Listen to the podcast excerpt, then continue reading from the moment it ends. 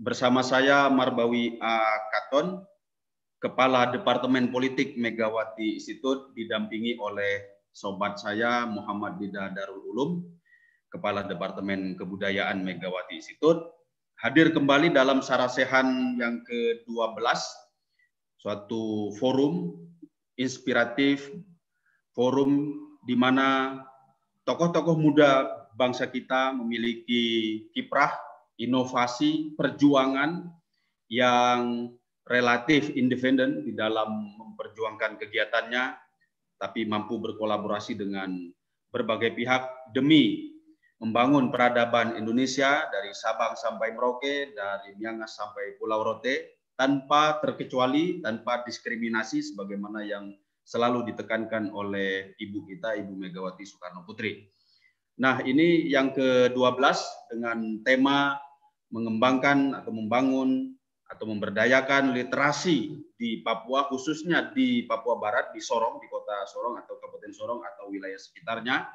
Tentu saja kegiatan seperti ini apalagi dilakukan di di ujung timur wilayah Indonesia eh, menarik perhatian kita eh, menginspirasi kita bagi anak-anak bangsa di belahan Indonesia lainnya. Bersama kita Mas Dayu Rifanto Selamat sore Mas Dayu dan teman-teman. sore Pak. Mas Yakobo, Mas Supriyono gitu ya nanti ikut mendampingi. Di sini jam 4 sore, di sana mungkin sudah jam 6 lewat begitu.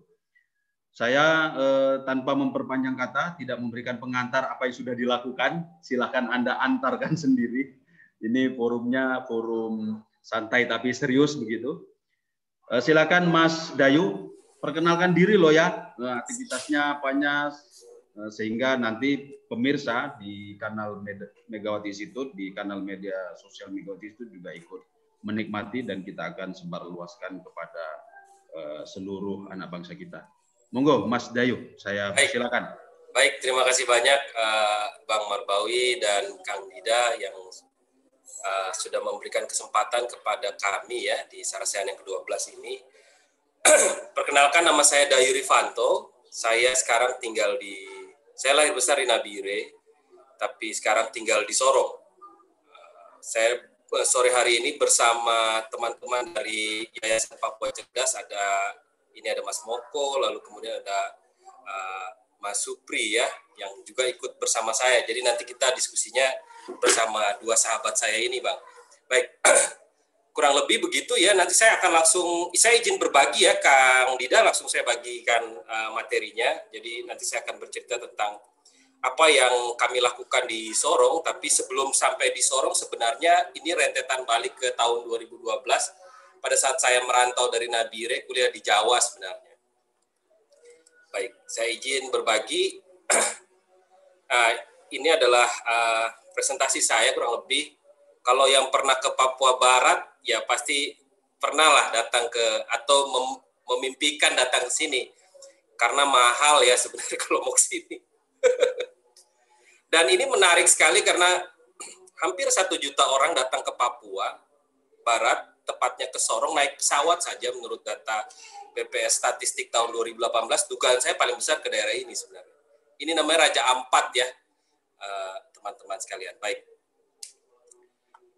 Oke, okay, uh, eh, ini saya mau memberikan potret dulu ya uh, Papua dan Papua Barat secara geografi ini uh, Papua Barat berada pada wilayah kepala ya dengan ibu kota di Manokwari. Kami sendiri atau saya sendiri tinggal di Sorong gitu ya. Dengan apa ada di ibaratnya di kepala buru. Nah, kalau dari perbandingan jumlah penduduk jauh sekali ya Papua Barat itu cuma 960 ribuan gitu. Tapi ada nanti ada yang menarik sebenarnya yang saya mau perlihatkan terutama di kota Sorong ya. Saya lanjut, ini kalau kita melihat di Sorong gitu ya. Sorong itu menarik karena secara uh, geografis dia menjadi penghubung dari lima kabupaten yang ada di Papua, jadi kabupaten Pemekaran gitu ya, termasuk Raja Ampat di 2018 itu saya buka data saya cukup kaget karena ada hampir 728 ribu orang ke Sorong hanya naik pesawat. Itu belum yang naik kapal ya. Jadi dugaan saya ini eh, terutama sektor pariwisata itu menyedot banyak wisatawan masuk ke ke, ke Papua Barat ya. Tapi kita juga tidak boleh lupa kalau di Sorong itu banyak perusahaan-perusahaan ini ya, perusahaan-perusahaan besar lah di, di, di Sorong. Terutama yang mengeksplorasi wilayah di Papua Barat. Nah, ini menarik sekali kenapa nanti saya akan perlihatkan ke jadi Sorong itu eh, menggunakan moto atau visinya adalah kota termaju sepapua gitu ya. Jadi dengan 250 ribu penduduk, kemudian Uh, kalau kita lihat perguruan tinggi ada 12 lebih, ada 28 hotel, ada 6 sampai 7 rumah sakit gitu ya di Sorong. Jadi cukup cukup ini cukup besar. Nah, sebelum saya cerita lebih lanjut dengan Sorong, saya mau cerita tentang buku untuk Papua sebenarnya. Jadi begini Bang, ini tahun 2012, saya itu sebenarnya dari tahun 99 kan saya lanjut saya lahir besar di Nabire dari orang tua saya itu guru SD sebenarnya keluarga kami pindah ke Papua tuh tahun 69 karena bapak saya jadi guru SD di Nabire gitu ya. Jadi saya lahir besar di sana, kemudian sampai SMA. Lulus SMA saya melanjutkan kuliah sebenarnya. Jadi pindah ke Jawa, ke Jogja, gitu ya. Kuliah di Jogja. Kemudian di Jogja itu berteman dengan teman-teman dari Papua. Nah, salah satu yang saya kenal adalah saya kaget waktu itu teman saya ketemu. Jadi waktu itu Nabire gempa tahun 2000 sekitar 2006 atau 2007 itu mempertemukan saya dengan sahabat baik saya namanya Longinus PK. Nah, saya bertemu dia tuh saya kaget karena uh ini kan Longgi yang ikut sama saudara saya gitu. Jadi saya ketemu dan ternyata kami tinggalnya uh, kami kuliahnya bersebelahan, depan-depanan ya. Saya di de gedung saya di depan kampusnya dia gitu kurang lebih gitu ya. Saya di Atma Jaya, dia di Sanata Dharma gitu. Kemudian terjalinlah hubungan kembali persahabatan. Nah, dari situ uh, intens saya dengan teman-teman uh, Longgi dan teman-teman ya. Nah, begitu lulus kuliah, saya memutuskan tidak pulang ke Papua sebenarnya. Longgi dan teman-teman ini pulang ke Papua jadi guru sebenarnya, Bang. Jadi guru tapi masih terhubung dengan saya. Nah, suatu ketika di tahun 2012 uh, Longgi dan teman-teman ini bikin komunitas yang uh, kalau dia bilang uh, saya ingin bikin perpustakaan lah saya di Nabire. Cuman kalau kita minta buku dari teman-teman di Nabire agak susah, juga termasuk kalau ke pemerintah agak susah nih. Saya bilang sama Longgi, eh sudah kirim aja sini, kamu butuh apa? Kasih kasih info ke saya. Ya kita telepon teleponan. Saya bilang begini, kalau di Jawa itu saya lihat internet, lihat Twitter itu orang gampang sekali mengumpulkan buku atau mengumpulkan apa begitu ya. Saya lihat-lihat Twitter, wah waktu itu Twitter masih trending topik Twitter semua ya main Twitter ah itu orang cuman nge-tweet saja wah ada ini mau bikin perpustakaan ayo bantu buku. Wah langsung orang kirim buku gitu ya. Saya pikir gampang jadi saya bilang sama Logi Logi kau tenang saja nanti saya bantu. Nah, dia bilang oke kawan terima kasih ya. Saya pikir begitu saya bikin akun Twitter lah namanya bagi buku. Saya nge-tweet ternyata saya nge-tweet selama empat bulan gak ada yang bantu. Jadi saya nge-tweet monolog ya, jadi pakai akun bagi buku, habis nge-tweet saya keluar akun, pakai akun pribadi, balas-balas, seolah-olah rame, colek-colek orang, nggak ada juga yang mau bicara gitu ya. Jadi empat bulan saya pikir-pikir ini salahnya di mana ini? Kalau dilihat gampang, tapi kenapa tidak bisa? Ya saya pelajari lagi Twitter itu, lihat-lihat akun ini, oh ternyata caranya itu kayak interaksi. Jadi harus harus bermanfaat harus bisa sesuai dengan apa yang dia suka. Begitu kurang lebih begitu sampai akhirnya akhirnya saya merasa oke okay, kalau begitu kira-kira kalau saya ajak orang ketemuan ada yang mau ketemuan nggak dengan saya? Oke okay, saya kasih nge-tweet itu kira-kira uh, saya mau bikin pertemuan nih kira-kira dia mau ketemuan nggak? Ah ada satu orang yang mau. Ya sudah saya ketemuan waktu itu di Jogja. Nah diskusi dia kita diskusi kemudian dia bilang gini kak saya suka idenya kakak. Ini kan mau bantu buku untuk teman-teman di Nabire. Cuman kalau nama bagi buku itu saya nggak ngerti itu apa, tidak ada websitenya. Kak, terus kakak ini siapa? Terus saya saya juga langsung, oh iya ya betul juga ya. Iya kak, ini tidak jelas ini. Kalau mau bikin sesuatu namanya harus jelas. kemudian kami diskusi akhirnya muncul ide buku untuk Papua gitu ya namanya buku untuk Papua kira-kira kamu paham nggak Wah kalau buku untuk Papua kalau di kepala saya ya buku donasi ke Papua. Oke dari situ. Akhirnya saya ubah nama twitternya jadi buku untuk Papua. Kemudian saya bikin uh, waktu itu bikin WordPress ya blog sederhana untuk menceritakan idenya. Jadi biar orang bisa lihat blog ini apa sih? Begitu saya bikin akun pakai Twitter buku untuk Papua, eh ada yang respon. Nah ternyata yang respon itu uh, bikin rumah baca Panther di Depok, namanya uh, Andy Fox yang kalau sekarang di di Depok dia bikin Institut Musik Jalanan ya bersama Iksan Scooter dan satu orang sahabat lagi ya. Jadi kemudian uh, legalisasi pengamen bisa pengamen secara legal dan punya kartu pengamen. Andy Fox yang kemudian bantu pertama kali kami dapat bantuan buku 500 buku. Tapi waktu itu saya sendiri ya, jadi saya di Jogja, Andy Fox di Depok, dia bilang, eh kamu mau kirim buku Papua? Ini ada buku hasil donasi 500 buku, mau ambil nggak? Saya dalam hati, ambil aja. Ya sudah, saya ambil. Saya datang ke Jakarta, saya ambil. Titip-titip di tempat teman, kemudian kumpulkan kebetulan saya pernah kerja juga di Jakarta, jadi ada beberapa buku-buku saya dan teman-teman saya di sana, saya tanyain, minta bantuan. Akhirnya dapatlah seribu buku, kirim ke Longgi waktu itu, pakai kapal. Cerita singkatnya begitu ya, akhirnya setelah itu yang menariknya adalah saya berhenti sebenarnya. Kan sudah selesai membantu sahabat saya, selesai. Cuman saya ingat banget saya ajak teman kemudian kita diskusi termasuk dengan Andi dia bilang begini, Dayu, kalau dari ceritamu kamu 4-5 bulan nge-tweet nggak tahu, nggak dapat buku. Tapi sekarang kamu sudah tahu caranya untuk mengajak orang donasi buku. Kenapa kamu harus berhenti?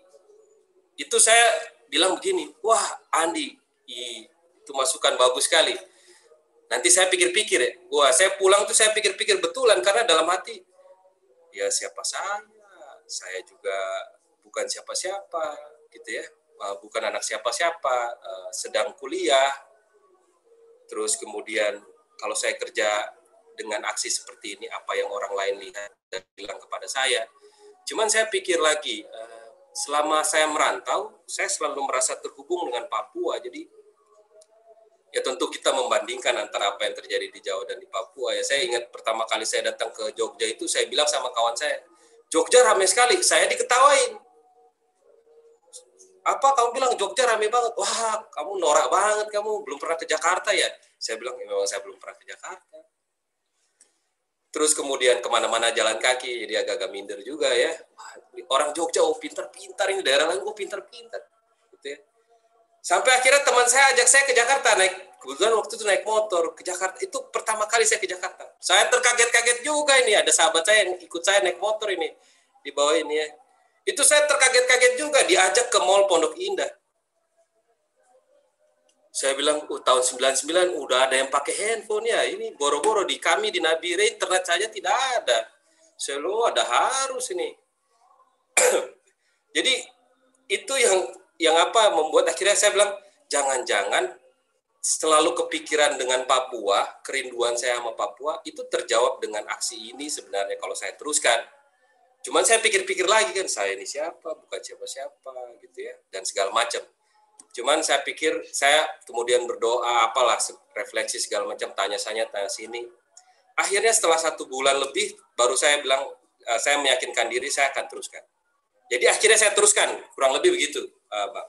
Sehingga kemudian kalau perjalanannya menjadi begini 2012 bikin inisiatif bantu satu ruang baca. Nah, sampai sekarang itu lebih dari 60 ruang baca sebenarnya yang dibantu galang donasi buku secara mandiri. Jadi bukunya banyak sebenarnya ya. Eh, mungkin ada 20-an ribu kali 20-an ribu buku.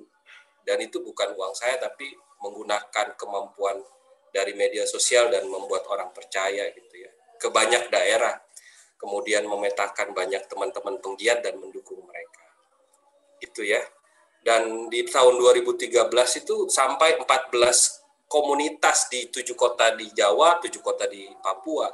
Uh, di Jawa galang donasi buku Kadida juga pernah dapat ya. Kita galang di GN OTA bersama-sama teman-teman. Kemudian bukunya dikirim ke Papua, gitu ya. Dan ini berlanjut lagi di tahun 2016 itu akhirnya saya bersama ini ada Mas Moko, ada Om Supri itu mendirikan Yayasan Papua Cerdas. Gitu ya. Kemudian bikin penerbitan dan uh, bikin pelatihan-pelatihan gitu.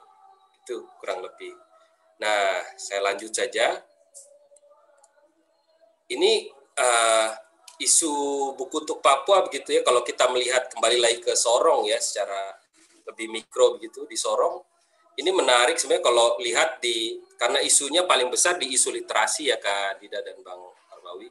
Itu kalau kita lihat di tahun 2019 keluar ini ya uh, indeks aktivitas literasi membaca. Ini melihat ini ini melihat uh, aktivitas membaca dari empat dimensi. Jadi ada dimensi akses, alternatif budaya dan kecakapan. Itu memang uh, secara hasil surveinya itu Indonesia secara nasional rendah ya ini 37 persen ada di ada di wilayah rendah gitu ya paling tinggi dimensinya kecakapan menurut survei ini ya walaupun nanti kita bisa diskusi kecakapan apa sih yang dinilai gitu nah kalau di sini dinilai kecakapan tuh melek huruf melek huruf gitu ya melek huruf Latin sama lama sekolah gitu jadi masih itu tapi ini paling tinggi nah dimensi akses dan dimensi budaya yang paling rendah. Nah, ini menarik kalau, kita lihat di Papua. Papua itu secara Papua dan Papua Barat dari 34 provinsi di Indonesia, Papua dan Papua Barat ya bagian-bagian bawah lah. Kalau yang paling bawah itu Papua ya, bisa dilihat di sini. Papua Barat agak mendingan walaupun sebenarnya kalau kita pakai kasus kayak di Kota Sorong yang yang cukup maju juga bisa ini ya bisa lihat uh, banyak hal yang terjadi. Nah ini kalau kita lihat rata nasional, Papua paling rendah, Papua Barat di 28 persen, rata nasional 37 uh, poin ya, poinnya 37, sedangkan Jakarta jauh sekali. Jadi kalau kita lihat kemudian ini Papua Papua Barat terus lihat Sorong, nah bagaimana dengan di Sorong? Uh, di Sorong itu kalau kita bilang toko buku itu cuma satu ya, Kang Dida dan Pak Bang Marbawi ya. Waktu saya saya kebetulan baru dua tahun tinggal di sini karena sebelumnya uh, di Jawa terus kemudian memutuskan pindah tinggal di di Papua dan menetap di sini. Itu pertama kali saya datang ke sini saya ke salah satu pusat perbelanjaan saya lihat ada pelang toko buku yang kebalik artinya sudah baru saja ditutup gitu. Terus kemudian ada grup grup G baru masuk di tahun 2019 gitu. Jadi sebenarnya baru juga. Dan perpustakaan kota di Sorong ini kalau di tempat lain bentuknya perpustakaan besar, gedung gitu besar, di sini masih nempel dengan kantornya ya. Jadi dengan buku yang mungkin terbatas saja. Gitu. Jadi dengan salah satu kota termaju gitu, tapi fasilitas perpustakaannya seperti itu. Kemudian penulis di sini juga tidak banyak. Eh, penerbitan ya mungkin lima eh, tangan saya ini mungkin segini yang penerbitan di Sorong gitu ya. Apalagi percetakan gitu. Nah, pembaca juga jadinya jadi jadi kena dampak gitu ya dan cuman agak menarik karena di komunitas literasi ada banyak teman-teman teman-teman muda yang bikin komunitas literasi sebenarnya. Jadi berusaha untuk apa mendukung ekosistem literasi yang ada di di Sorong ya. Nanti saya akan perlihatkan uh, siapa saja mereka gitu ya yang ada di Sorong. Baik. Nah, kemudian apa yang buku untuk Papua lakukan gitu ya. Ini ya kurang lebih ya kalau saya bisa gambarkan kurang lebih seperti ini. Jadi yang pertama tuh galang donasi buku, dukung ruang baca dan inisiatif. Gitu ya. Terus kemudian ada pelatihan dan perampingan penulisan kemudian ada mentoring aksi sosial dan yang selanjutnya itu kolaborasi lintas komunitas gitu. tidak hanya komunitas literasi sebenarnya dan yang terakhir itu ini ya penerbitan buku buku anak kontekstual Papua karena ini menarik juga tahun 2015 pada saat kumpul-kumpul buku itu ada masukan bagus dari dari salah satu tokoh di Papua katanya gini Dayu kau punya inisiatif bagus kumpul-kumpul buku kirim ke kami tapi kalau buku-buku anak itu ada cerita, ada bus, ada segala macam. Belum tentu cocok. Saya bilang, iya kakak. Tapi susah cari buku anak Papua yang konteks Papua. di toko-toko susah juga. Terus dia bilang begini, iya kalau begitu kau menulis toh. Wah saya dalam hati, wah ide yang bagus juga, tapi saya bukan penulis. Saya bukan penulis kan, saya bilang terima kasih kakak ide yang bagus. Tapi saya bukan penulis. Nah itu kayak cambukan gitu cambukan. Apa yang saya lakukan itu? Akhirnya saya mulai kumpulkan buku anak berkonteks Papua yang bisa saya beli. Saya kumpul, kumpul, kumpul, kumpul, kumpul. Saya baca, baca, baca, baca. Saya pelajari Kang Dida dan Bang Marbawi ya. 2017 saya mulai menulis itu anak konteks Papua. Yang jadi mulai menulis. Pokoknya nulis aja lah. Saya ingat itu. Mulai menulisnya saya di Surabaya. Kolaborasi dengan seorang adik perempuan anak Jayapura. Di Jayapura, jadi kami bikin komik bersama, judulnya Ones Epo. Itu cerita anak satu anak suka bola, satu anak suka baca. itu tapi cerita dan akhirnya sekarang sampai dengan sekarang saya menulis 15 buku anak dan kemudian melatih teman-teman di di Sorong ya. Nah, ini beberapa buku-buku bacaan anak yang kemudian eh, apa saya tulis kemudian dan diterbitkan sebagian besar oleh uh, penerbit Papua Cendekia memang ada yang diterbitkan oleh di Gramedia tapi oleh kelompok G tapi itu secara digital sih. Oke, dan ini juga kalau dilihat ini satu buku puisi, ini buku puisi yang diterbitkan oleh penerbit Papua Cendekia. Ini masuk lima besar Kusala Sastra tahun 2019-2020 kemarin ya. Nah, penulisnya itu guru di perbatasan Kerong. Iya, aduh, mohon maaf.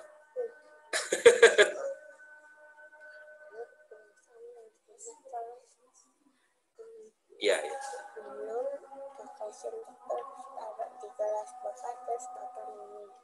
apa baca? Iya,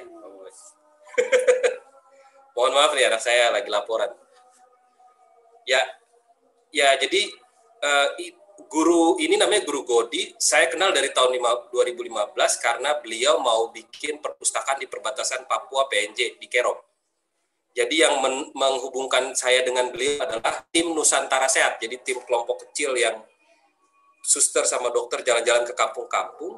Suatu ketika jalan ke kampung 8 jam, ketemu jalan kaki ya ke kampung di Kerom sana perbatasan 8 jam ketemu ada seorang guru yang suka yang bergerombol anak kecil baca koran Kompas. baca koran. Terus ditanyain, Pak Guru, anak-anak suka baca di sini. Iya, biasa kalau saya turun ke kota, uh, dia bilang kalau ke keuskupan dia bawa buku, udah bawa-bawa koran. Tim Nusantara Sehat bilang gini, kita pernah dengar yang namanya buku untuk Papua, coba kita kontak, hubungkan dengan Pak Guru. Siapa tahu orang mau bantu. Akhirnya saya, dia kontak, akhirnya kita, kita bikin kampanye galang donasi buku, waktu itu lewat kitabisa.com itu sekitar 12 juta berhasil terkumpul untuk biaya kirim buku dan beli buku. Dan jadinya cukup banyak buku begitu ya kita kirim ke sana, jadilah rumah baca namanya Jendela Literasi Semografi. Dari 2015 tetap berhubungan dengan Pak Guru, kontak-kontak. 2017 saya sering dikirimin SMS sama beliau.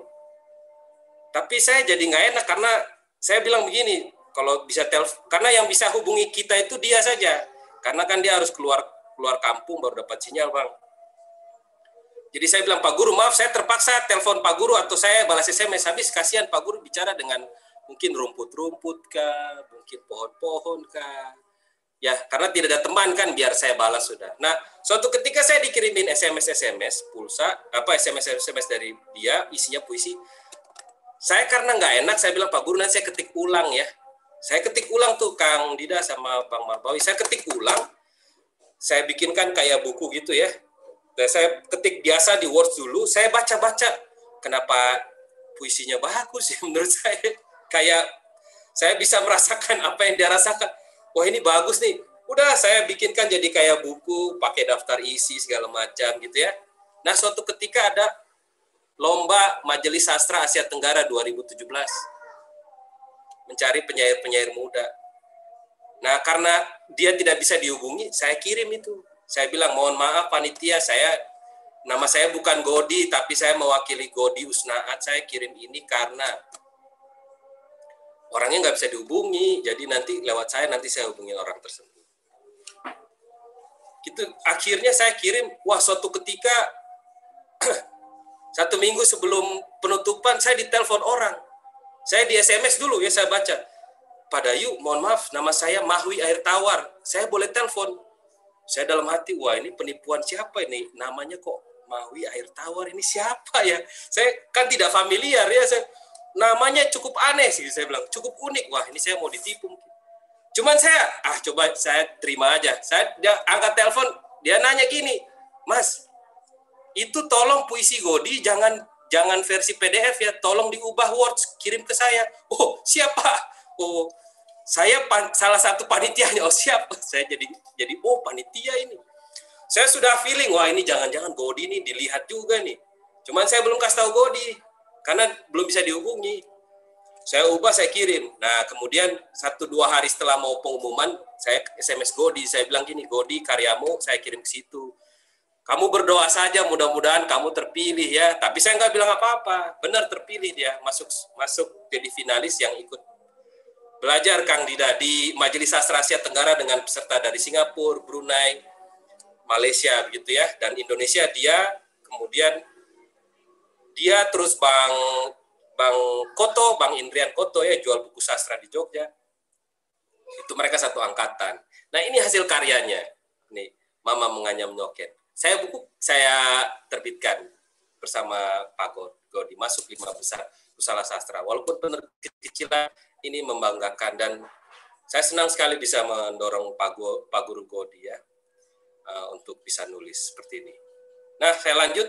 Nah, ini yang kami lakukan salah satunya. Sekarang kami bekerja sama dengan British Council bikin pelatihan Active Citizens. Ini pelatihan kepemimpinan sosial untuk penggerak perubahan di Papua dan Papua Barat ini yang versi virtual ini baru akan berlangsung di tanggal 12 Februari sampai dengan sekarang sudah 63 orang yang daftar itu dari perwakilan universitas, perwakilan lembaga-lembaga penelitian maupun ini ya komunitas masyarakat ikut. Cuman memang nanti yang terpilih 25 saja, tapi jadi kami senang karena kami bisa ikut menjembatani pelatihan pembelajaran ini gitu. Kemudian kayak ini ini pelatihan literasi, ini juga kerjasama dengan uh, Putra Sampurna ya. Jadi supaya anak-anak suka baca, latihan uh, salah satunya bisa ikut pelatihan ini. Ini kami selenggarakan tiap bulan sekali. Dan kemudian ada kegiatan seperti ini ya, mari mendongeng bersama. Isunya memang literasi anak salah satunya. Jadi ini itu menghadirkan pendongeng-pendongeng dari Papua, dari berbagai kota. Jadi mau ikut silakan pendongeng. Ini baru berjalan dua kali ya, ini yang terakhir kemarin. Jadi pendongengnya dari Timika, dari so, dari Sorong, dari Jayapura, dari dari apa Manokwari. Dan ini berlangsung tiap bulan kami rencanakan tiap bulan. Supaya ya membaca walaupun aksesnya susah tapi orang jadi jadi ini ya salah satu strategi baca yang menyenangkan pakai ini gitu. Harapannya begitu. Dan ini juga nih baku bagi, baku bagi itu rutin juga tiap bulan. Ini setelah pandemi kita bikin rutin. Ini diskusi tapi pakai bahasa Inggris ya. Jadi belajar conversation tapi campur-campur pakai bahasa Indonesia supaya anak-anak berani bicara. Nah, kalau ini Kak Fandi ini Kak Fandi ini akan ngisi ini baru di 20 Februari nanti. Beliau ini disabilitas low vision jadi guru SDLB di Kota Sorong. Cuman inspiratif karena apa ya eh, mengajar apa eh, dapat beasiswa ke ke luar negeri begitu Kak Fandi. Juga ada kalau yang ini versi kalau yang tadi versi webinar ini versi diskusi. Jadi diskusi dengan tokoh-tokoh atau anak muda pembawa perubahan di Papua. Ini salah satunya dengan Emma Ronsumbre dari uh, Sagu Foundation di Jayapura gitu ya. Tiap bulan ada nah ini juga kita baru inisiasi pinjam pustaka buku untuk Papua ini jadi ruang baca anak dengan buku-buku berkualitas mau cari buku peraih penghargaan sampai buku kontekstual ada Contohnya kayak yang di bawah ini, Mutiara Hitam dari Papua, ini salah satu contoh buku anak dengan konteks Papua yang sifatnya semacam biografi yang sangat sangat susah dicari. Mungkin ini dugaan saya ini satu-satunya, baru satu ini. Jadi buku cerita anak biografi dengan tokoh dari Papua mungkin ini nih, baru ini ya. Jadi salah satunya begitu. Nah, ini contoh klasifikasi yang kita bikin ada lima klasifikasi ya. Nah, yang ini yang saya mau cerita dengan kolaborasi dengan Forum Literasi Sorong Raya dan Forum Taman Baca Sorong. Ini ada yang saya bilang tadi menarik di Sorong itu ada banyak komunitas literasi.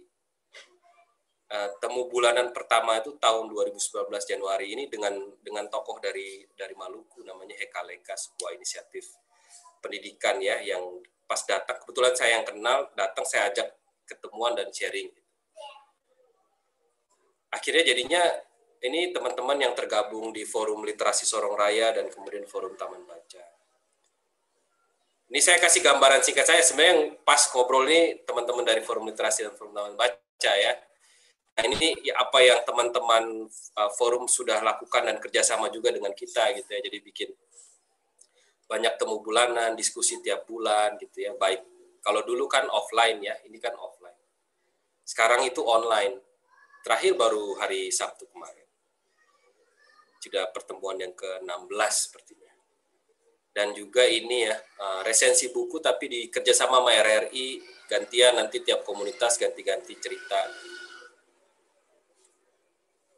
Juga banyak kegiatan, baik pelatihan, dan yang lain-lain. Ini kalau seperti di sini ada pelatihan jurnalistik, itu ada Mas Agung Sudai dari Tempo, ini ada dari Mas Harun dari Liputan 6, gitu-gitu ya Terus ada Mas Golagong datang ke Sorong, kita ajak ketemuan. Ini ada Mas Faiz Asul dari Radio Buku di Jogja, dan yang lain-lain. Ini bikin kerja sama bareng, pelatihan bersama-sama. Juga bikin, teman-teman di forum itu bikin lomba nulis bersama, ada bukunya, ini bukunya ya. PDF. Jadi aksinya jadi kurang lebih seperti ini ya, eh, Bang Marbawi dan Bang eh, Kang Duda. Jadi apa yang yang kami lakukan kami galang donasi buku 60 ruang baca terus kita bisa 120 juta eh 102 juta terkumpul tapi bukan buat buku Papua jadi membantu mitra meng, meng, menggalang donasi buat mereka gitu ya. Kayak di Sorong kemarin kita baru galang donasi untuk seorang perempuan yang isunya adalah mendukung mama-mama Papua. Jadi mama-mama Papua punya sayur mayur dijual sama dia, tapi tidak ada kendaraan bermotor, dia ke mana-mana naik taksi, naik angkot gitu ya, atau jalan kaki. Kita bikin kampanye bersama, galang donasi, berhasil buat beli motor. Terkumpul 15 juta buat beli motor. Gitu. Namanya Nibun Papua. Dan ini ya, kurang lebih yang sudah dilakukan oleh Buku Papua berkolaborasi dengan banyak orang sebenarnya ini. Sampai dengan sekarang. Saya pikir begitu ya, uh, Bang Marbawi, mohon izin Kang Dida, nanti bisa ditambahkan dengan dua sahabat saya juga sambil diskusi bersama-sama ada uh, uh, Mas Moko dan dan Mas Supri begitu. Terima kasih Mas Dayu. Waduh, sangat menginspirasi ini. Uh, saya kira tantangan yang dihadapi juga tidak kecil ya. Sekalipun kelihatannya pekerjaannya itu sederhana begitu hanya ruang baca, perpustakaan dan seterusnya. Tapi sebelum kita ada diskusi-diskusi, barangkali Mas Moko dan Mas Supri, monggo kalau ada yang mau ditambahkan, sangat dinanti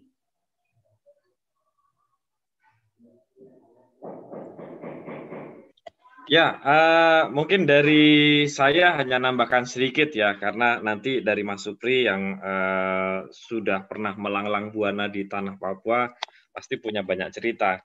Jadi uh, apa yang tadi sudah diceritakan oleh Kak Dayu, uh, kami membiasakan diri untuk menyapanya dengan Kak karena kita mencoba mengadaptasi budayanya dari Papua. Jadi mencoba pelan-pelan menghilangkan masnya jangan sampai nama kita semua belakangnya sudah O semua kan? Moko uh, Rivanto dan Supriyono. Kemudian kalau kita mau bantu teman-teman kita di Papua kita masih menggunakan sapaan Mas. Uh, nanti kita jadi kayak jet lag kalau bahasanya ya. Jet lag dengan teman-teman yang kita bantu. Ya jadi bicara mengenai literasi ini sendiri aktivitas uh, perjalanan yang sudah uh, dilewati memang inisiator ini dari uh, Dayu uh, beberapa tahun silam dan kebetulan saya secara pribadi itu dengan uh, Kak Dayu itu kami dulu kos di satu lingkungan yang sama. Jadi sebut saja satu RT yang sama dan sering main nongkrong bareng.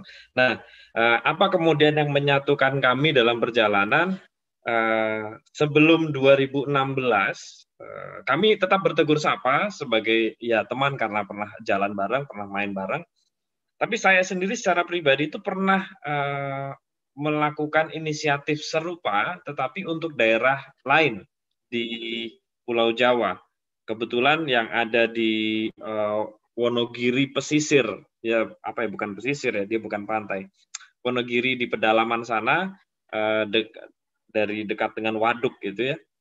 Nah itu ada ada beberapa teman di sana yang uh, menjadi guru sekolah lalu menceritakan hal yang mirip seperti yang tadi Kak Dayu ceritakan. Lalu saya pada waktu itu 2000 2009, 2010, saya kirimlah beberapa buku dapat dari donasi teman-teman. Bedanya adalah saya dengan Dayu, kalau Dayu sudah menggunakan sosial media, saya pada waktu itu belum. Jadi saya mengandalkan kekerabatan. Mengandalkan kerabatan teman-teman siapa yang mau uh, nyumbang buku, saya ada sekolah di daerah uh, pelosok Ponogiri yang butuh membangun perpustakaan. So singkat cerita, buku terkumpul lalu kita kirim. Semuanya pure menggunakan resource dari uh, saya dan beberapa teman, tidak banyak waktu itu.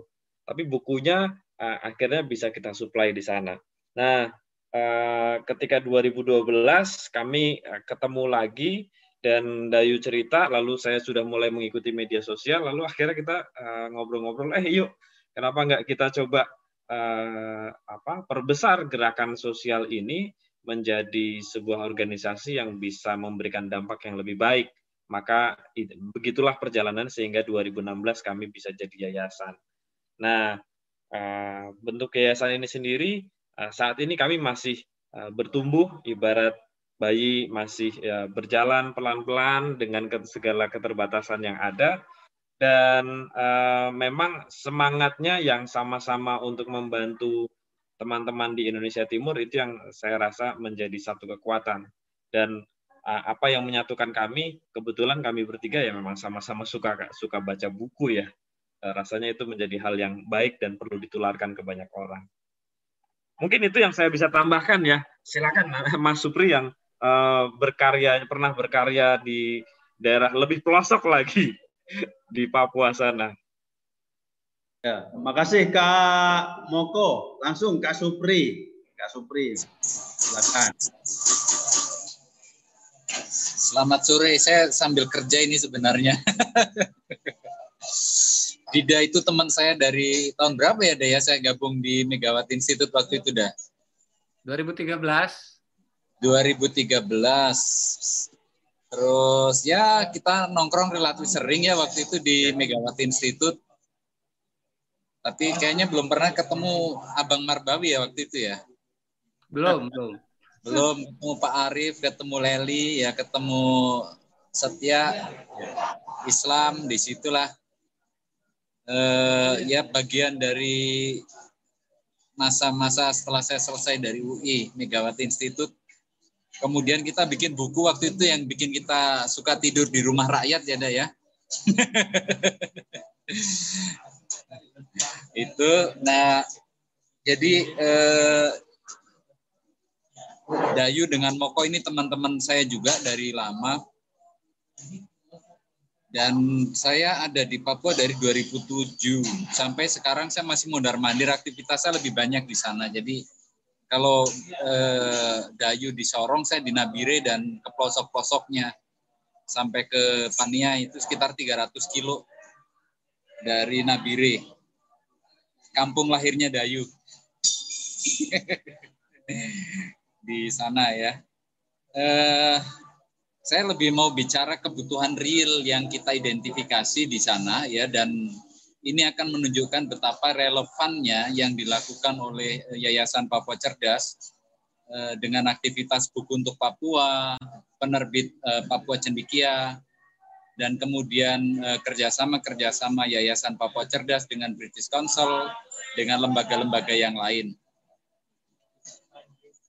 Eh, dengan gampang kita bisa mengidentifikasi permasalahan yang agak fundamental atau bahkan sungguh fundamental terkait dengan human resources di Papua itu adalah soal rendahnya literasi ya ini menunjuk kepada kualitas yang ada di manusianya maupun yang ada di landscape-nya. Secara gampang, secara geografis kita akan susah menemukan perpustakaan di sana. Ya. Susah sekali menemukan perpustakaan di Nabire dan sekitarnya. Ya. Kalau gedungnya ada seperti di Nabire itu, gedung perpustakaan daerahnya ada, tetapi koleksinya tidak ada koleksinya ada, habit, habitusnya itu tidak ada. Jadi eh, perpustakaan itu seperti museum. Jadi tidak pernah menggelar eh, kegiatan-kegiatan apa pun terkait dengan pengembangan literasi publik. Jadi pelayanannya itu pelayanan pasif itu. Eh, itu yang ada di Nabire, Dogiai saya tahu persis karena saya sekarang kerja di sana tidak ada perpustakaan, ya. Di Paniai tidak ada perpustakaan, di Deyai tidak ada perpustakaan Nah, eh, ini baru dari sisi adanya. Kemudian yang kedua, kalau lagi kembali ke habitusnya, habitusnya itu belum terbentuk. Tapi kalau ngomong potensinya, potensinya ini ada, gitu ya. Jadi hari kita bikin pelatihan kemarin hari Minggu itu dengan teman-teman dari Dogia ya. Jadi eh, pelatihan untuk menulis cerita anak. Ini kita lakukan dengan eh, teman-teman di Dogiai yang jaringan internetnya nggak ada, kita pakai WA group dah. Jadi memang challenging begitu ya. Mereka menyadari eh, kami tidak punya perpustakaan, kakak. Kami tidak punya buku, tapi kami ingin menulis. Kami ingin eh, bergerak, beraktivitas begitu ya. Dan inilah yang kemudian kita kita tangkap sebagai suatu geliat di antara teman-teman Papua kita fasilitasi. Jadi ini cara Yayasan Papua Cerdas itu uh, getting engaged dengan eh, teman-teman uh, di Papua. Ini yang menarik. Kemudian kalau misalnya kita bilang secara situs, mestinya literasi itu dikembangkan di sekolah, ya kan? Lagi-lagi secara geografis, sekolah-sekolah itu banyak yang nggak punya perpustakaan. Jadi eh, perpustakaannya nggak ada, kedua habitusnya nggak dibangun saya tahu persis karena memang saya ya hari-hari kalau pas di sana ya saya di Dogia ya di sekolah-sekolah itu saya keliling. Jadi guru-guru itu senang kalau saya datang bawa laptop lalu saya tunjukkan beberapa buku PDF yang saya punya. Beberapa mereka copy ya. Film-film juga begitu ya. Jadi film-film itu eh, seperti misalnya film Laskar Pelangi atau apa itu mereka copy saja dari koleksi saya begitu. Jadi ya sesimpel itu jadi kalau ibaratnya literasi ini nanti bisa menjadi virus, paling kurang kita perlu habitat yang cocok untuk virus itu. Gitu lah. Virusnya kita sebar, habitatnya kita siapkan. Eh, saya mau mengidentifikasi juga soal aktor. Jadi pemerintah tidak sejauh ini yang saya terlibat ya tidak terlalu banyak bergerak atau berinisiatif untuk membuka eh, mengembangkan literasi jadi eh, persis karena itu Yayasan Papua Cerdas mencoba mengambil inisiatif yang tidak dengan sungguh-sungguh dikerjakan oleh pemerintah. Jadi kita melakukan apa yang tidak tanda kutip disukai oleh pemerintah gitu ya. Karena pekerjaan ini kan menuntut nafas panjang ya. dan inisiatifnya harus juga kuat begitu. Ini ini yang penting. Jadi kami senang-senang aja mengerjakan ini meskipun hasilnya tidak akan uh, lekas kentara, ya. tetapi setiap punya kesempatan untuk engage dengan masyarakat asli Papua untuk isu literasi, literasi kami menyambut dengan penuh antusias. Uh, lalu uh, saya update saja di lapangan, ya. Saya sudah bisa mengidentifikasi teman-teman Papua yang yang searus dengan Yayasan Papua Cerdas. Ya, ada teman-teman di Gerakan Papua Mengajar (GPM) yang membuka sekolah rakyat, sekolah eh, petani kopi di Paniai, lalu membuka juga sekolah untuk anak-anak di eh, Wagete sekitar 40 kilo dari Dogiai itu berarti sekitar 250 kilo dari eh, Nabire seperti itu. Ya kita bisa mengidentifikasi by spot sih untuk mengarahkan aktivitas kita ke mana. Eh, kira-kira kalau ada pertanyaan yang saya belum sampaikan, bisalah disampaikan. Saya kira begitu yang saya bisa tambahkan. Lama ada nggak ngopi kita ada? Terima kasih Kak Supri. Salam kenal kembali ini. Saya sebenarnya eh, cukup sering berinteraksi dahulu dengan Megawati Institute, tapi eh, tidak di lingkarannya Mas Dida gitu. Eh, silakan Mas Dida kalau ada yang mau diperdalam dipertanyakan tanyakan dahulu silakan.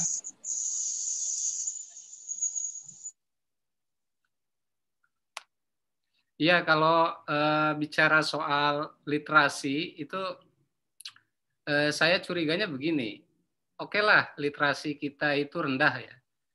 Tapi kalau kita melihat di belahan uh, apa di kawasan-kawasan Indonesia yang lain timur itu kan rendahnya literasi itu bukan karena mereka malas tapi karena memang keterbatasan akses menurut saya sih jadi memang soal literasi ini bukan soal bukan cuma soal eh, apa namanya malas atau eh, bukan gitu, tapi soal ada soal lain soal eh, keterbatasan akses.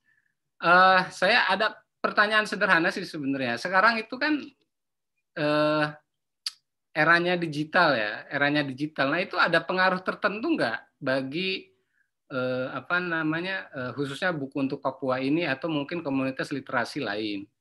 Karena eh, kalau bagi eh, kawan-kawan, bagi saya yang hidup di eh, Jawa, di Jakarta, lalu juga paling ya mentok-mentok di Pandeglang, itu kan akses itu begitu mudah.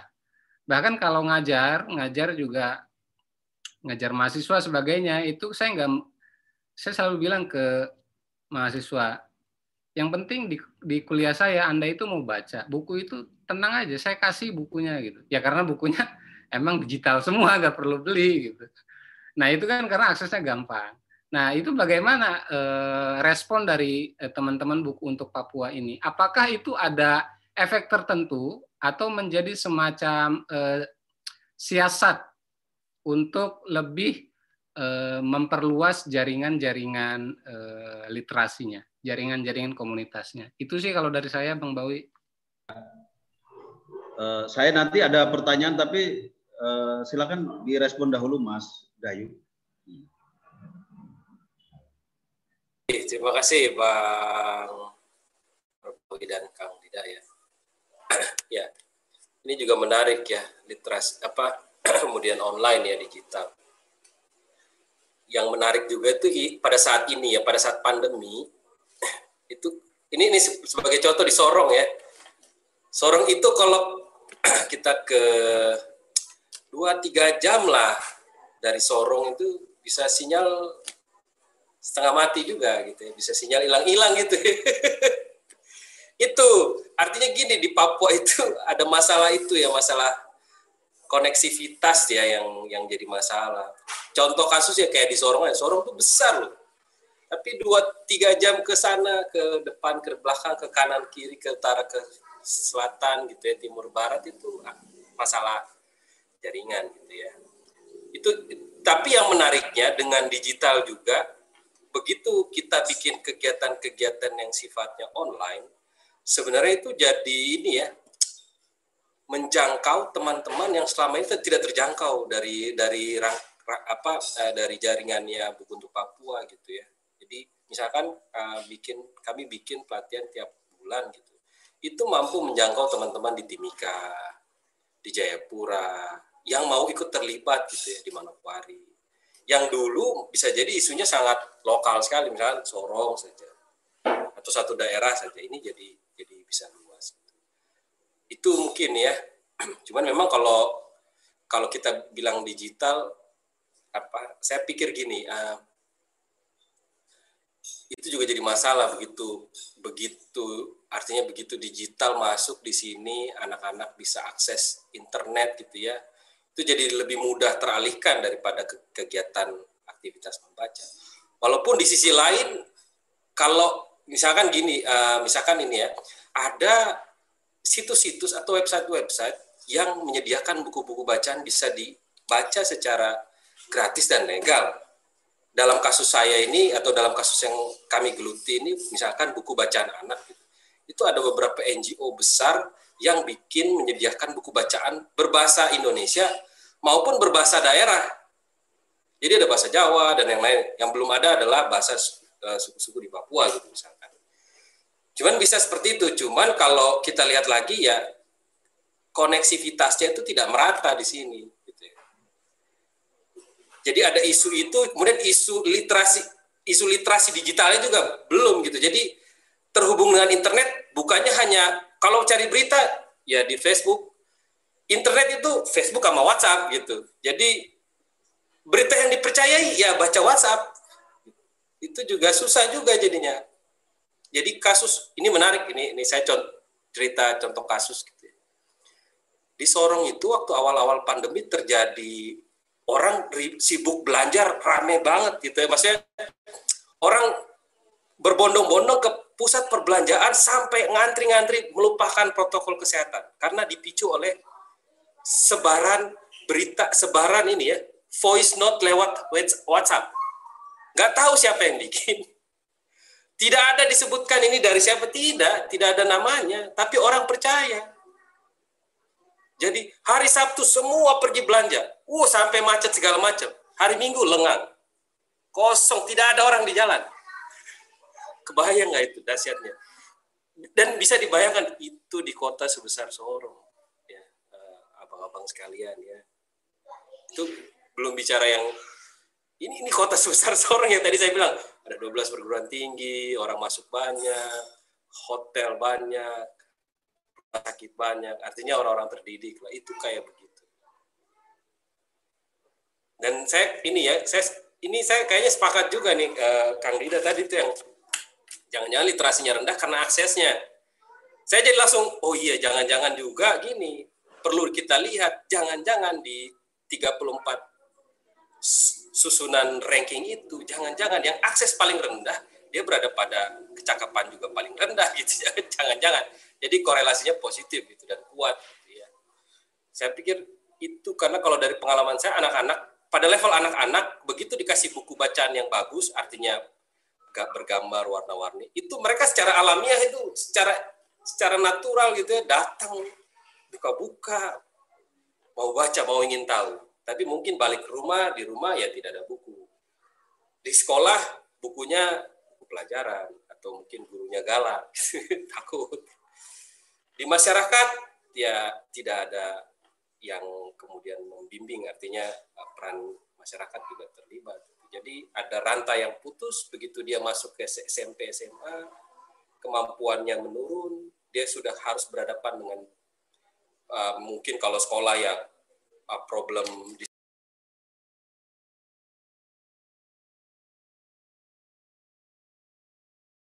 jadi jadi semakin terbelakang maksud saya gitu mudah-mudahan kedengeran. Itu sih Kang Dida mungkin bisa ditambahkan oleh um, uh, Kakak ya. sama Kak Supri ya. Ya, baik. Uh, saya hanya nambahkan sedikit saja, uh, Bang Marbawi dan Kak Dida. Jadi kalau bicara mengenai uh, akses digital, terlebih kalau dalam konteks sekarang di masa pandemi, memang uh, ini menjadi hal yang menarik. Sebetulnya kalau bicara mengenai digital e-book ya, secara sederhana kita ngomongin uh, buku elektronik, itu uh, kita sudah mencoba untuk melakukannya uh, sebelum ada pandemi. Kenapa? Uh, waktu itu dasar pemikirannya lebih karena uh, bagaimana caranya kita bisa menghadirkan buku, sementara untuk penggalangan donasi yang bisa mensupport biaya pencetakan buku ini juga tidak uh, tidak semudah yang kita bayangkan jadi uh, karena kita menemui kesulitan di biaya pencetakan buku, akhirnya coba cobalah kita modelnya uh, pakai PDF. Jadi kita punya buku, kemudian uh, kalau bahasa startup zaman sekarang book on demand, artinya kalau Kak Dida tertarik dengan buku, saya punya buku, Kak Dayu punya buku dan seterusnya. Kalau tertarik mau baca, nanti silahkan beli versi elektroniknya. Nanti kita kirim via email ke emailnya Kak Dida atau Kak Marbawi. Nah, kemudian mekanisme itu pernah kita coba lakukan. Nah, tapi eh, dalam konteks untuk penggalangan dana itu bisa dengan dengan dasar pemikiran bahwa itu pembacanya adalah orang-orang di luar Papua yang punya akses terhadap elektronik. Tetapi kalau kita kembalikan pada visi awalnya eh, gerakan ini dan yayasan ini, kita kan mau membantu teman-teman kita di Papua. Nah, ini nggak ketemu akhirnya. Mereka dalam situasi sekarang, eh, kalau tadi sempat disinggung eh, terminologi literasi digital, rasanya kok belum terlalu bijak kalau misalkan kita langsung mengajak mereka lompat ke literasi digital. Kalau bicara mengenai program, sekedar saya kasih gambaran saja, di yayasan kami itu membuat uh, step steppingnya. Uh, yang pertama adalah literasi baca, kemudian setelah literasi baca nanti akan diikuti dengan literasi kesehatan. Setelah literasi kesehatan nanti akan diikuti dengan literasi ekonomi. Literasi digital kita letakkan paling belakang. Kenapa? Ini kita saya pakai analoginya mungkin uh, seperti uh, apa uh, manusia tumbuh ketika kecil ya dia bertahap.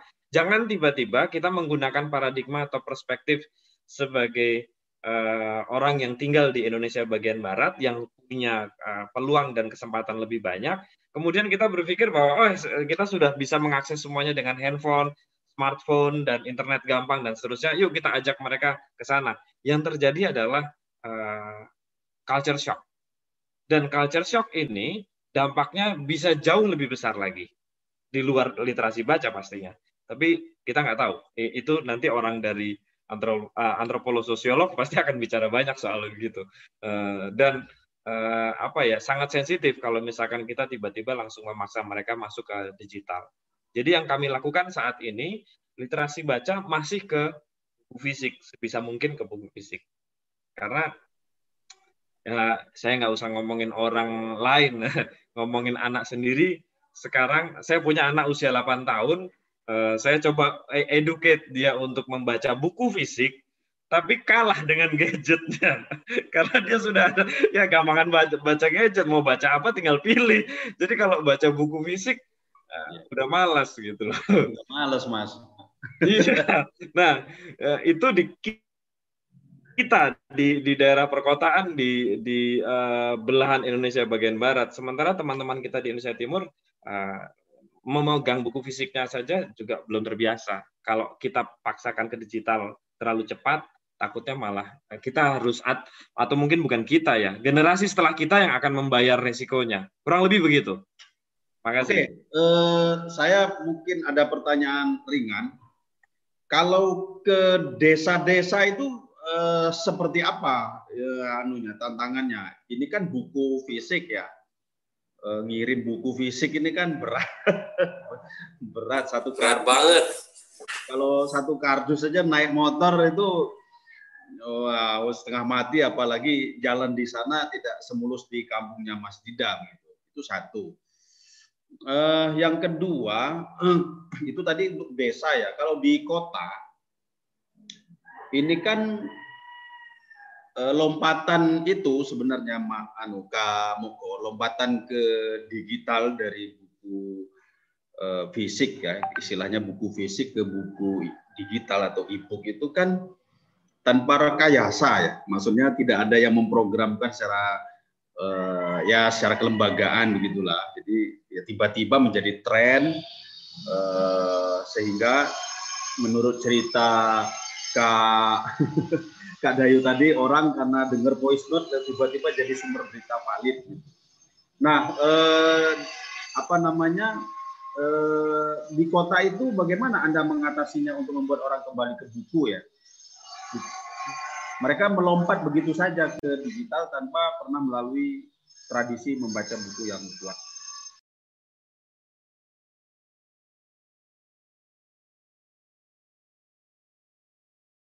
Ya, oh, saya ya, aduh, mohon maaf, ini agak putus-putus. Terima kasih banyak bang. Ini uh, saya cerita ini terkait buku kalau di kampung. Ini jadi kebayang nggak dulu itu waktu kita kumpulkan buku. Jadi saya di, kumpul di Jawa itu kirimnya itu yang setengah mati itu paling paling pusing itu. Biaya kirimnya lebih mahal dari harga buku. Oh itu pasti. itu sudah pasti ya. Biaya kirimnya lebih mahal daripada harga buku. Nah, dan belum tentu nanti bukunya sampai dengan wujud yang baik ya. Bisa jadi ada kerusakan-kerusakan di jalan. Jadi memang itu itu salah satu kendala paling besar ya uh, dari proses kirim buku kirim barang ya. Uh, terutama kirim buku ke kampung-kampung dan kalau di Papua itu terutama kampung-kampung yang di daerah-daerah pegunungan itu karena harus naik pesawat. Jadi ya harus akhirnya kita jadi ini kayak model patungan gitu ya crowdfunding gitu ya. Jadi membuka uh, call for action supaya orang mendukung pengiriman buku. Walaupun itu tidak mudah. Jadi dulu itu lebih banyak problemnya adalah problem logistik.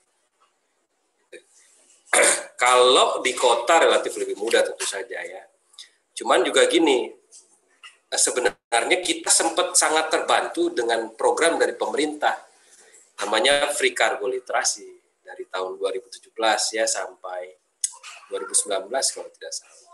Itu tiap bulan sekali boleh kirim buku gratis. Itu sangat terbantu, amat sangat terbantu. Cuman memang problem lainnya adalah kadang-kadang ini ya orang jadi mengirim buku sembarang gitu ya. Belum tentu sesuai kebutuhan gitu. Jadi sampai sini bukunya aduh ternyata LKS coba. Uh, buka lagi waduh ternyata buku apa itu nggak bisa dipakai ya. Jadi itu sedih juga ya. Cuman itu isu yang berbeda. Cuman jadi balik lagi ke yang tadi ya. Kalau di kampung-kampung susah kami akhirnya jadinya model galang donasi untuk biaya kirim. Tapi itu juga uh, berdarah-darah karena ibaratnya harga bukunya kalah jauh dari harga kirimnya tapi ya itu yang terjadi di Papua Nah, yang kedua adalah ini ya bagaimana lompatan bagaimana menyiasati lompatan dari dari fisik ke digital gitu ya. Apa yang kami lakukan? Sebenarnya kalau yang kalau yang kita bikin di Sorong ini sebenarnya adalah uh, misalkan dengan bikin pelatihan-pelatihan, kemudian ada artikel-artikel yang yang kemudian kita sebarkan ya, bacaan-bacaan penting mengenai mengenai kampanye orang tetap harus suka baca gitu ya atau kemudian terbiasa dengan membaca itu kita bikin. Juga apa seperti sekarang kita baru inisiasi itu uh, pinjam pustaka. Jadi masuk lewat orang tuanya sebenarnya. Jadi kalau anak remaja sama anak kuliah sama yang sudah dewasa itu sang, amat sangat susah ya untuk intervensinya yang bisa dimasuki itu anak-anak ya lewat orang tuanya. Jadi menyediakan buku bacaan yang bisa dipinjam dan berkualitas. Nanti sambil diintroduksi pelan-pelan, Ibu cara membaca buat anak yang bagus begini Bu pendekatannya. Ibu boleh pinjam gitu ya. Itu yang berusaha kita lakukan. Saya tidak bisa misalkan saya tidak bisa membaca buat anak, saya malu segala macam. Ibu bisa datang tiap bulan itu ada mendongeng. Bersama itu. Semua orang boleh dongeng bebas gayanya segala macam. Karena membacakan cerita itu sebenarnya kan tradisi di semua masyarakat. Saya pikir ya tradisi lisan yang turun temurun cuman mungkin gara-gara perubahan ya modernitas kemudian kesibukan itu hilang gitu ya.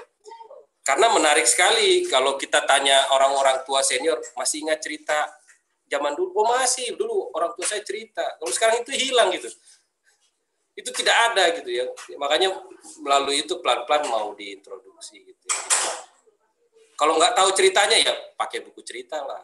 Ini ada bukunya silahkan datang. Gak usah bayar gratis. Tapi kalau terlambat denda ya. Sebab kalau nggak gitu hilang nanti. Mungkin itu ya yang yang saya bisa jawab. Mungkin bisa ditambahkan oleh Kakak Moko sama Kakak Supri ya. Silakan. Silakan Kakak Supri atau Kakak Moko. Hmm.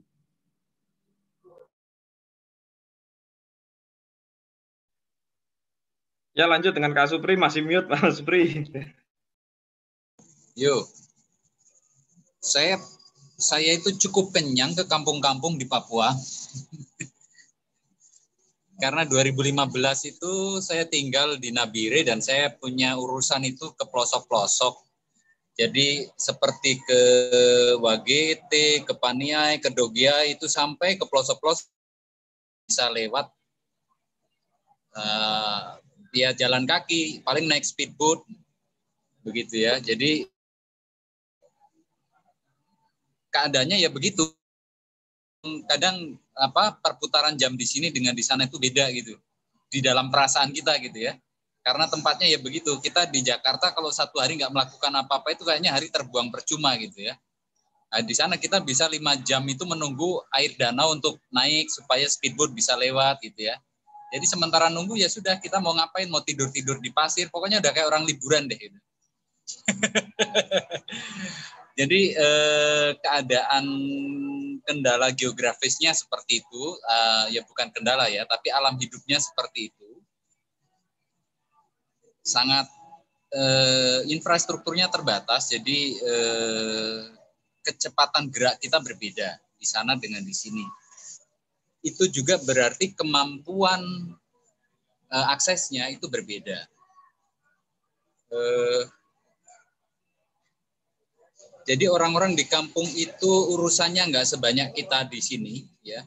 Jadi hidup itu sangat sederhana, sangat real, masalah-masalah yang dihadapi itu bukan suatu yang sophisticated seperti kita di sini.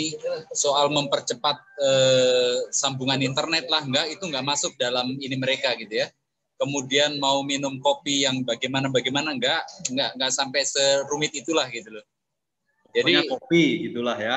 Kopi gitu ya itu jadi enggak seperti kita di sini pakai V60 seperti apa terus di enggak enggak ada yang begitu gitu ya jadi life is so simple. gitu ya. Jadi yang uh, bikin rumit nih modernity. Ya, pokoknya yang bikin logika di sinilah gitu ya. Bagi mereka begitu. Uh, kalau ke kampung saya kebanyakan jalan kaki di beberapa kampung yang hanya bisa dijangkau dengan jalan kaki saya jalan kaki. Ada yang lima jam ada yang tiga jam ya. Ada yang kita kalau di Paniai harus uh, naik speedboat ya itu lalu kendala yang pertama untuk kita yang bukan orang Papua secara fisik gitu ya kendala pertama adalah fisik kita ya. Fisik kita. Jadi mungkin fisik kita kuat ya dalam arti itu bagi kita bukan kendala tetapi karena rambut kita lurus kulit kita coklat ya ini menjadi kendala bagi mereka. Kita nggak akan nggak akan gampang diterima meskipun kita itu orang baik punya niat baik gitu ya. Tapi fisik kita itu sudah merepresentasikan suatu kekuatan yang mereka takuti. Jadi kalau saya ke kampung-kampung itu saya nggak berani sendiri saya pasti bersama dengan teman-teman Papua yang sudah tahu siapa saya ya. Dan ini yang yang menjadi middleman saya begitu. Ya jadi eh, kalau kita baru datang sehari dua hari terus mau masuk ke kampung itu eh, agak susah gitu ya susah sekali.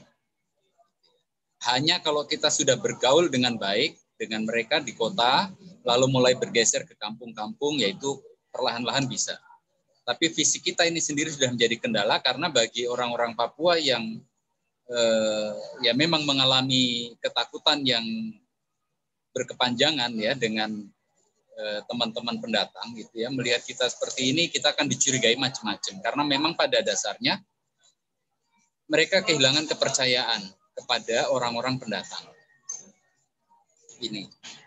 Jadi itu kendala yang pertama. Makanya kalau saya bisa masuk ke Pania itu itu ya di satu sisi saya merasa itu privilege tapi itu juga perlu bertahun-tahun Sampai sekarang bahkan awal-awal ya saya masih diteriaki oleh mereka sebagai Iyowoya. Iyowoya gitu. Jadi kalau saya lewat, weh Iyowoya lewat itu, bagaimana kita panah katanya. Eh itu bukan itu bukan Iyowoya yang biasa lagi, itu sudah tahu orang di sini. Jadi kita pakai bahasa daerah dengan dia. Nah itu bisa lewat. Kita kemudian minta tebulah apalah gitu ya. Jadi ini ini yang membuat apa eh, membobol benteng itulah yang susah pertama-tama. Jadi Gitu ya. Jadi biasanya kalau pendatang aktivitas pertamanya di kota, nggak berani di pelosok. Gitu. Itu kendala eh, social barriernya seperti itu. Ya, social barriernya seperti itu. Ya kalau fisik mungkin kita kuat, modal duit mungkin kita punya gitu ya, tetapi bagian itu yang hanya bisa ditaklukkan dengan kesubuhan kita bersama mereka.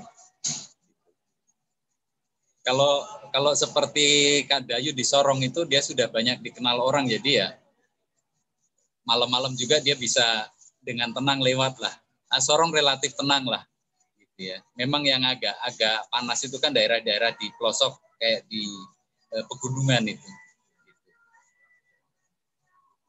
Itu sih. Kalau masalah adaptasi ya kita beradaptasi dengan ketiadaan listrik ya, dengan macam-macam lah ya keterbatasannya seperti itu gitu. Kita bisa beradaptasi lah kalau bagian itu.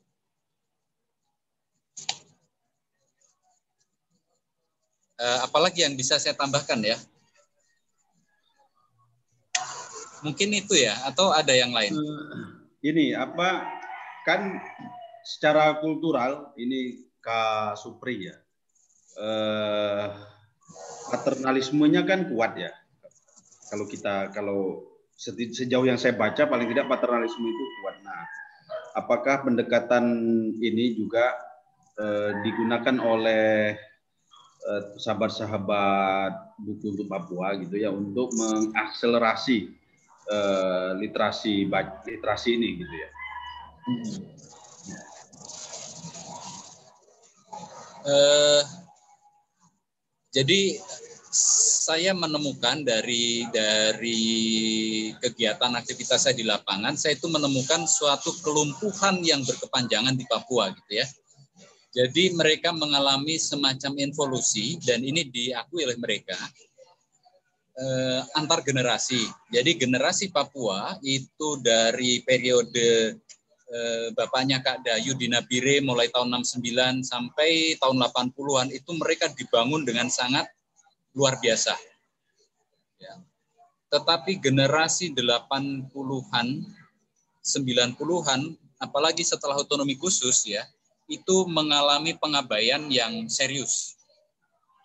Nah, jadi kalau mereka mengatakan kualitas manusia Papua itu mengalami kemunduran.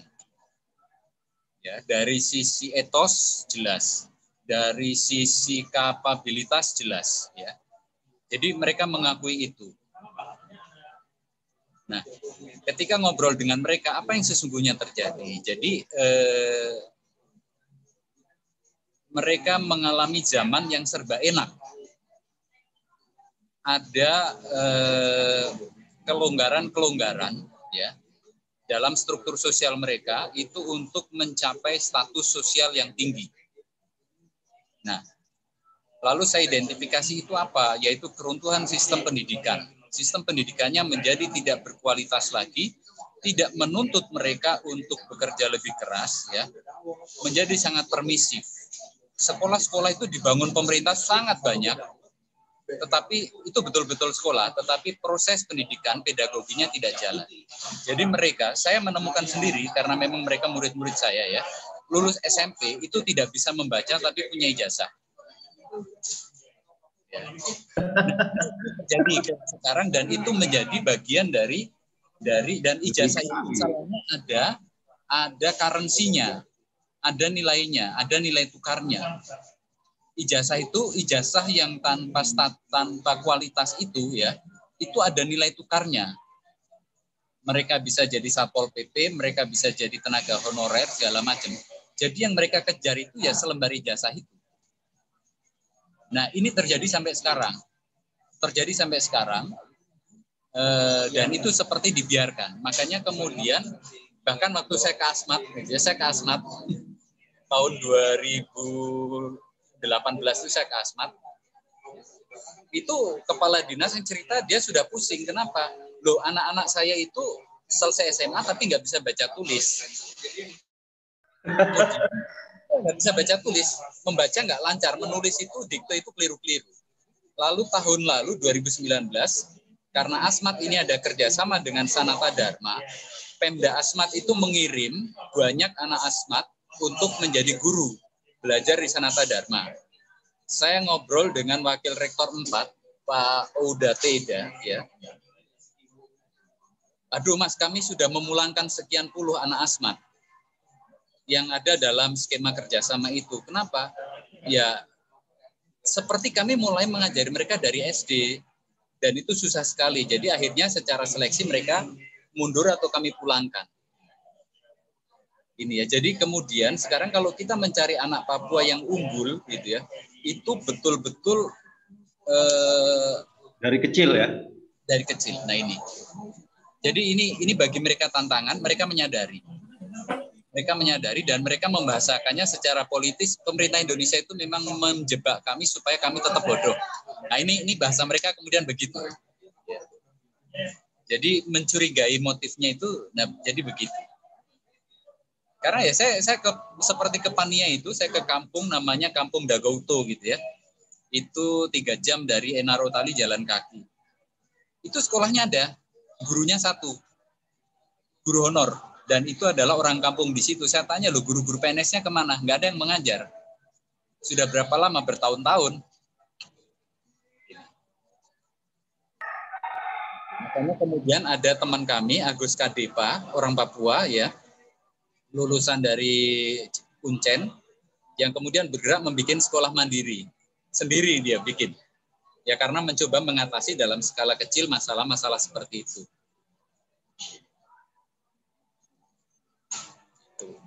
Jadi eh, krisisnya seperti itu. Jadi kalau orang Jakarta melihat Papua itu bilang, wah danau otsus banyak kok masih begini-begini, saya kasih gambaran mikronya seperti itu.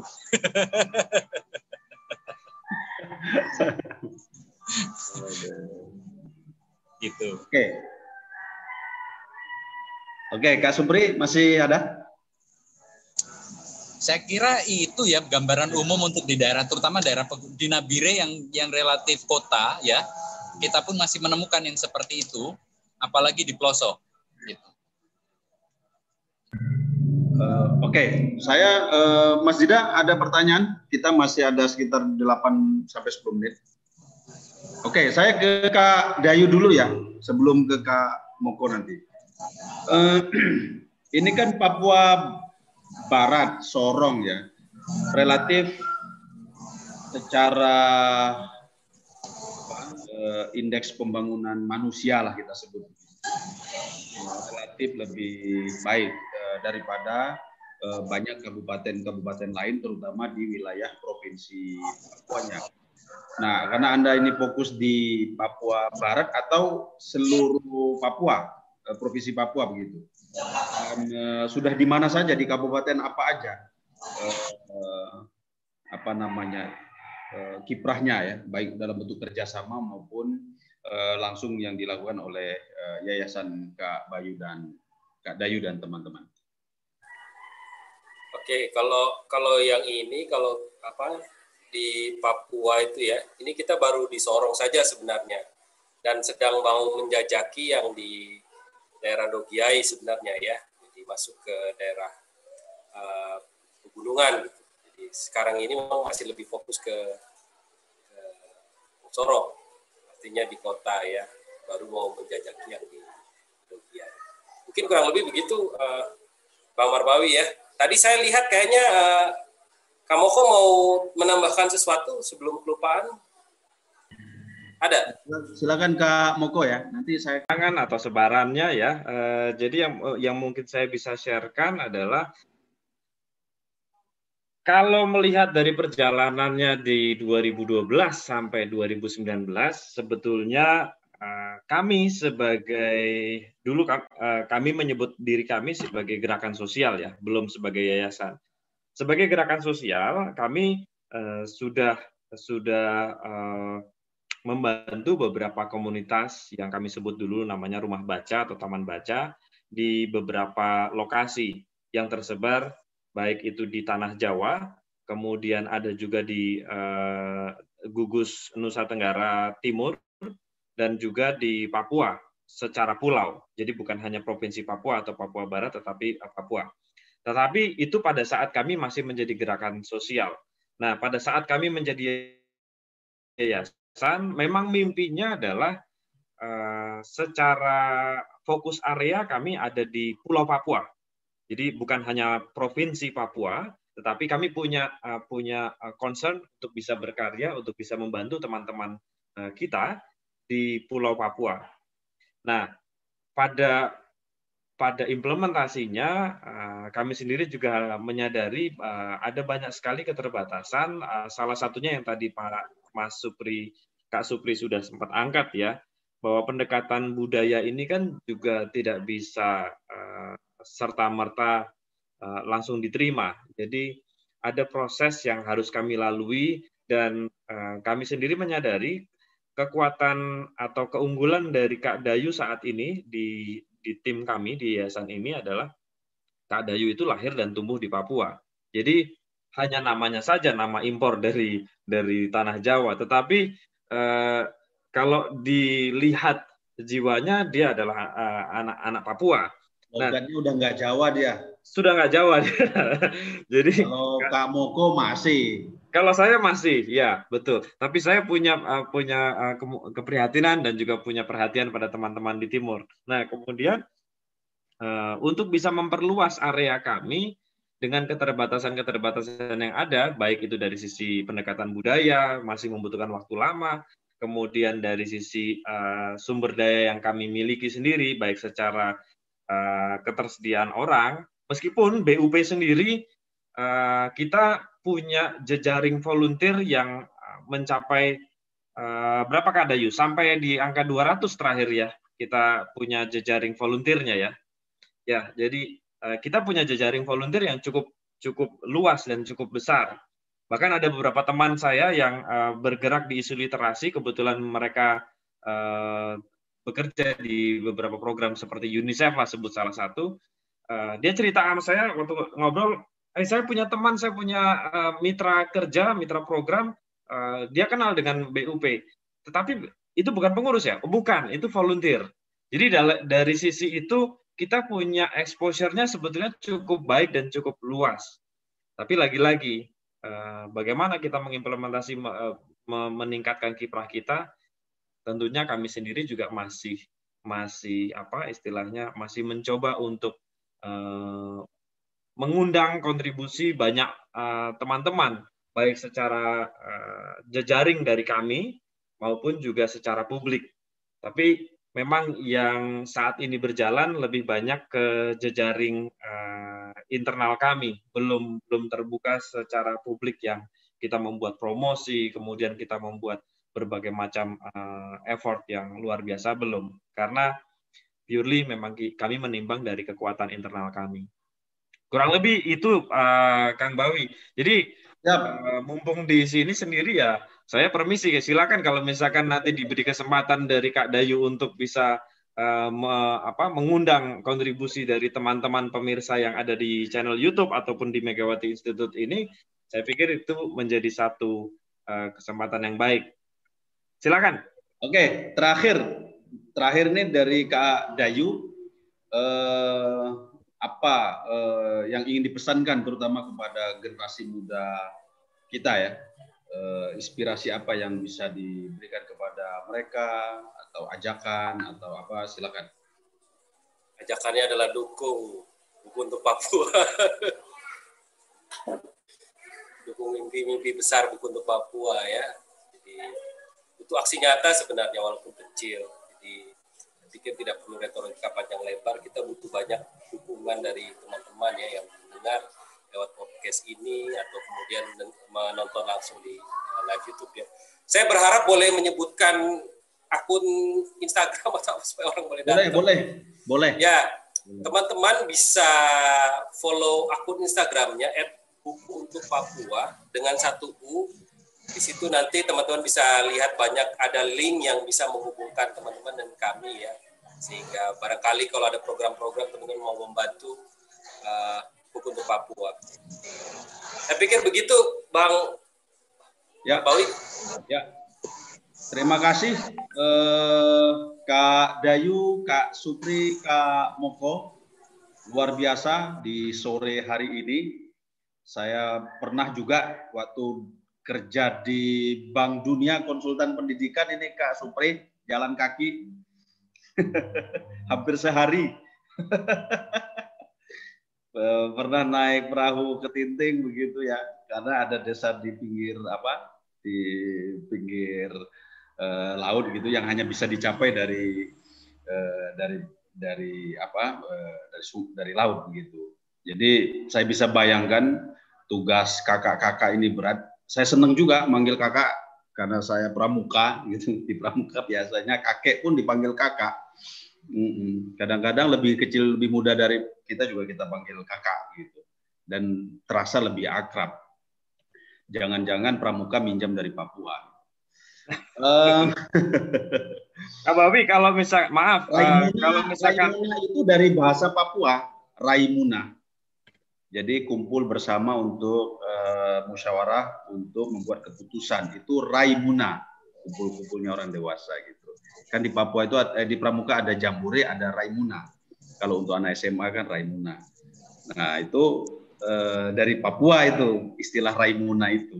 Nah, ini banyak yang nggak tahu ini. Oke, saya kira cukup ya. Kak, cukup ya. Siap. Kak Bawi, uh, Kak Dida, kalau ini eh, itu tadi kan Kak Dayu sudah menyebutkan akun Instagramnya. Mungkin kalau boleh supaya uh, bisa terlihat uh, ininya, saya bisa share satu okay, slide okay. saja. Silakan, silakan. Mohon izin dapat aksesnya okay. dari Kak ya. Dida nih. Ya. Ya, silakan. masih disable ya? Sudah, sudah. Sudah ya? Oh ya, oke sudah. Oke, sudah ya? Iya. Ya, sudah terlihat ya? Oke, ini ya? Ya. Oke. Jadi uh... ini eh, tadi menanggapi pesan terakhirnya dari Kak Dayu. Silakan Kak Dayu. Ini saya hanya menampilkan gambarnya ya, saja, ya, Kak Dayu yang Oke. yang cerita ini. Nah, biar saya aja yang menyampaikan. Silakan. nah, kepada eh, teman-teman, uh, sobat-sobat uh, sebangsa dan setanah air, mari sama-sama kita bangun gitu. Uh, Papua sebagai bagian dari kita semua, saudara-saudara kita di sana. Ini ada kontaknya yang diberikan oleh Kak Moko silakan bisa dilihat begitu, bisa difoto. Eh, Kak Dida, eh, tolong difoto ini Kak Dida. Nanti kalau ada yang nanya bisa ikut membantu menyampaikan begitu ya. Saya ya. kira uh, cukup ya Kak Moko, Kak Dayu, Kak Supri. Terima kasih ya. sekali lagi. Saya jadi semangat ini di kampung saya ini kelihatannya aja infrastruktur lebih maju, tetapi uh, kalau untuk apa tadi literasi baca kok jauh juga sama aja jauhnya gitu. Semoga kita semua eh, apa namanya tetap diberi kekuatan dalam merawat Indonesia, tetap jaga kesehatan ini kakak-kakak perjuangan semakin berat sekalipun Covid banyak menerpa kota-kota utama. Kalau desa-desa apalagi di Papua kayaknya nggak ada yang pakai masker itu. Kalau di kampung Itu okay. foto koleksi uh, sebelum pandemi, Kak Bawi. Ya, ya, ya. Oke. Okay. Uh, eh, sekali lagi saya ucapkan terima kasih. Kalau ada kata-kata yang kurang berkenan, uh, saya ucapkan permohonan maaf yang sebesar-besarnya. Assalamualaikum warahmatullahi wabarakatuh. Salam, salam kebajikan, namo budaya, san om, santi, santi om,